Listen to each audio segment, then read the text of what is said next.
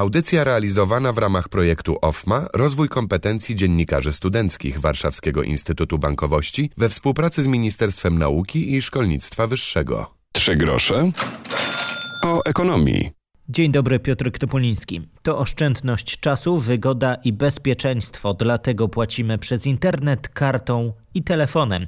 Organizatorzy kampanii Warto Bezgotówkowo chcą, by jak najwięcej osób czerpało korzyści z płacenia drogą elektroniczną i inspirowało do tego innych. Jak to robić o tym w dzisiejszym programie?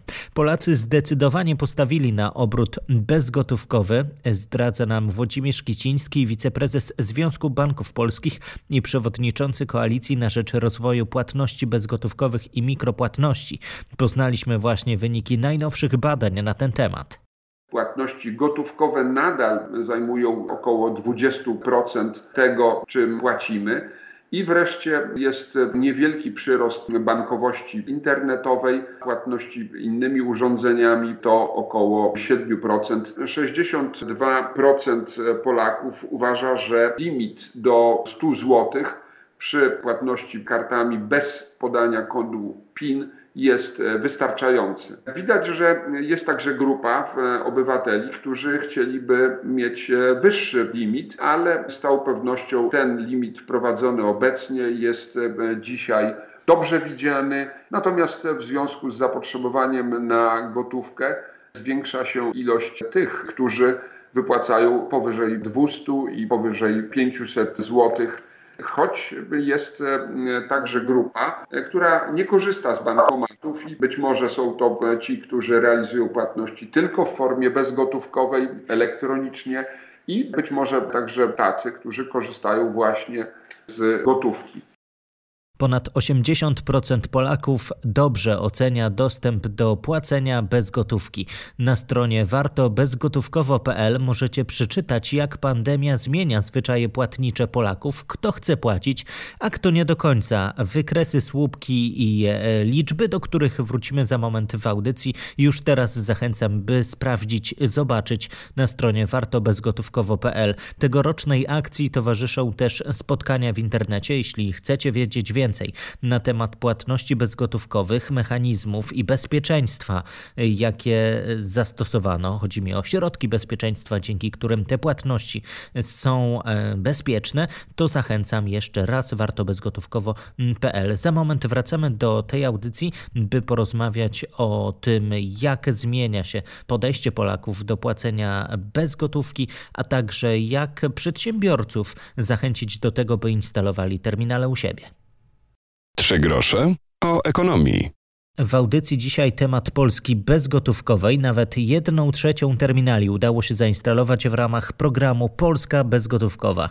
Wszędzie są jednak potrzebne kolejne terminale, urządzenia, a w sektorze publicznym to nawet wszędzie, zaznacza w rozmowie z nami Mieczysław Groszek, prezes Fundacji Polska Bezgotówkowa domknięcie tego łańcucha płatności, czyli możliwości zapłacenia jakby w każdym miejscu, gdzie się załatwia sprawy. Naszym tutaj, myślę, tego tutaj siedzących, a fundacja to akcentuje, nie jest y, y, dążenie do tego, żebyśmy po prostu wyeliminowali gotówkę, tylko żebyśmy dali jednakową szansę wyboru.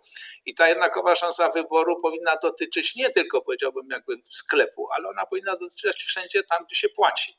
I niestety w sektorze publicznym mamy jeszcze, powiedziałbym, nie chcę tego nazwać białą plamą, bo to byłoby jakby nadatne użycie. Natomiast rzeczywiście mamy jakby przerwanie tego łańcucha. I dlatego też powiedziałbym, no mamy no, sytuację opłat za na przykład czynności sądowe, gdzie trzeba najpierw zapłacić po prostu przelew i tam dołączać przelew papierowy, zaświadczenie o przelew. Czyli niby jest płatność bezgotówkowa, ale ona nie jest po prostu taka przyjazna jak w sytuacji takiej, kiedy byśmy po prostu składając wniosek równocześnie przykładali kartę do terminala, prawda, i, i, i płacili. Skarbówka i ona jest, to nie można powiedzieć, że w skarbówce nie można płacić bezgotówkowo, tylko tam jest po prostu to outsourcowane do kogoś. Dobrze byłoby, gdyby to było insourcowane w ogóle do systemu, do kasy y, y, skarbówki. To są sądy, I też nie można powiedzieć, że w sądach y, terminal jest nieznany, ale to nie jest systemowe rozwiązanie. Myśmy, jeśli chodzi o sektor skarbowy, częściowo dokonali, powiedziałbym, takiego tak, umowy z kawałkiem skarbówki kasu, czyli tym związany z administracją celną. To jest taki dobry początek, bo to było systemowe rozwiązanie. Mało jest jeszcze w tym takim drugim kręgu sektora publicznego, czyli na przykład w różnego rodzaju szkołach i różnego rodzaju aktywnościach szkół. Czyli tam, gdzie byśmy chcieli, żeby na przykład była na przykład komitety rodzicielskie, czy też takie powiedziałbym różne podmioty, gdzie dzisiaj są te płatności zbierane do koperty. No i na koniec oczywiście to, co zawsze jest, powiedziałbym, wzbudza, tak powiem, duże zainteresowanie, to jest kwestia, to nie jest już sektor publiczny, ale też nie prywatny. Mówię o kościołach, prawda? O szczególnie kościele katolickim. Mamy dobry początek, około 450 terminali zainstalowanych, duże zainteresowanie, no ale e, parafii jest 10 500. To nie jest tylko kwestia, powiedziałbym, w ogóle tej liczby, to jest również kwestia właśnie takiego przekazu do szczególnie wśród starszych, wykluczonych bankowo, ci dostawaliby bardzo klarowny sygnał, że to nie jest świętokradztwo zapłacić kartą. Mówię tutaj z pewnym uśmiechem, dlatego że tak mieliśmy panel wspólny z Kościołem, zatytułowaliśmy czy płatności bezgotówkowe w Kościele to jest konieczność, czy świętokradztwo. No i chcę przekazać konkluzję, że nie jest to świętokradztwo około 10% tych, którzy w ramach programu korzystali za darmo, rezygnuje po wyjściu z programu. Tylko 10%, przy czym to jest zjawisko nie tylko jakby specyficzne dla fundacji, czyli korzystania za darmo, bo agenci jak robią po prostu swoje statystyki, to pokazują, że to wychodzenie z ich umów, prawda, jest też mniej więcej około 10%. To jest między innymi jedna z przyczyn jest taka, że jak powiedziałem, u nas niektórzy biorą więcej niż jeden, mogą wziąć do trzech terminali. To nie jest masowo, że biorą wiele i w związku z tym potem już z części rezygnują. Natomiast drugie zjawisko to jest walka konkurencyjna. Po prostu agent agentowi podkupuje klienta. W związku z tym po prostu w ogóle wychodzenie z programu, ono jest na równi po prostu statystycznej, długookresowej z rynku. 242 tysiące firm zainstalowało już terminale, w tym około 7 tysięcy w sektorze publicznym. Jak powiedział nasz ekspert, jest jeszcze wiele do zrobienia. To jedno, a inną kwestią jest edukacja i do tego tematu powrócę za moment. Bądźcie z nami. W audycji dzisiaj temat płacenia bez gotówką, a kartą, a telefonem, a opaską, a przez internet.